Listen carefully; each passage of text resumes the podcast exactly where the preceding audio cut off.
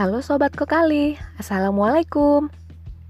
Pandemi yang sudah berjalan hampir satu tahun ini Membuat semua rencana yang harusnya berjalan terpaksa dipending. Termasuk rencana pemerintah. Kira-kira gimana kinerja pemerintah ini ya? Eh, tapi jangan heran loh. Ada satu kota yang dari tahun 2019 lalu sampai tahun ini prestasinya tetap bertahan.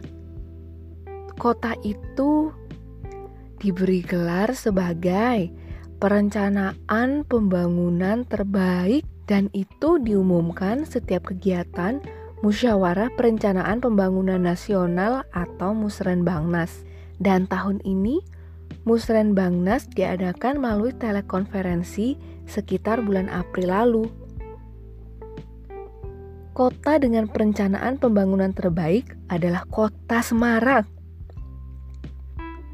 Provinsi terbaik disandang juga oleh Provinsi Jawa Tengah. Ya, bagi kalian yang pernah tinggal di kota itu, pasti bangga banget. Hmm, tapi pasti bertanya-tanya juga kan, Kok bisa?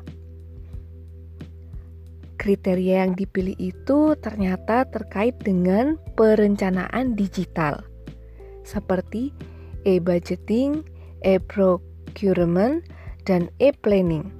Tingkat keterbukaan informasi publik, pendekatan bottom up, dan interaksi sosial. Apa sih e-budgeting itu?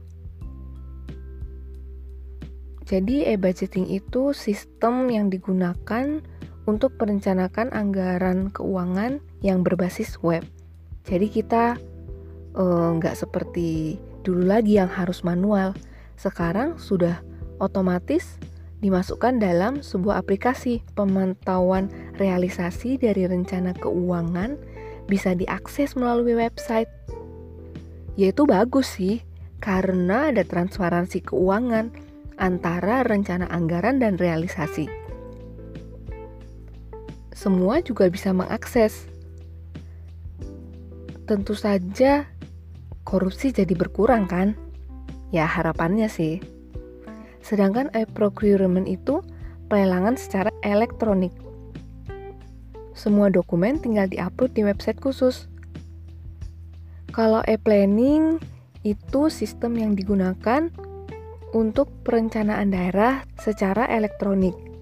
Nah, ini unik, sama sih sebenarnya sama sistem informasi perencanaan pembangunan.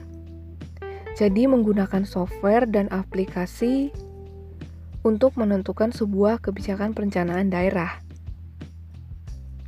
Jadi semua rencana kerja pemerintah daerah itu diinput dalam aplikasi itu. Di Jawa Tengah sendiri semua perencanaan yang sudah digital itu terintegrasi dalam satu sistem bernama GRMS atau Government Resources Management System. Nah, untuk pendekatan bottom up itu maksudnya perencanaan yang dimulai berawal dari bawah alias dari lingkup masyarakat dulu bukan dari atas atau dari bukan dari kemauan pemimpinnya. Jadi memang sekarang itu semua perencanaan pembangunan sudah banyak menggunakan sistem tersebut.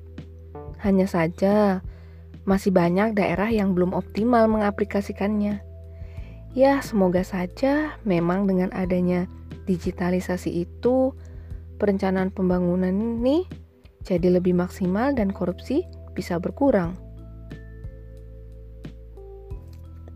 Sekian, terima kasih. Assalamualaikum warahmatullahi wabarakatuh.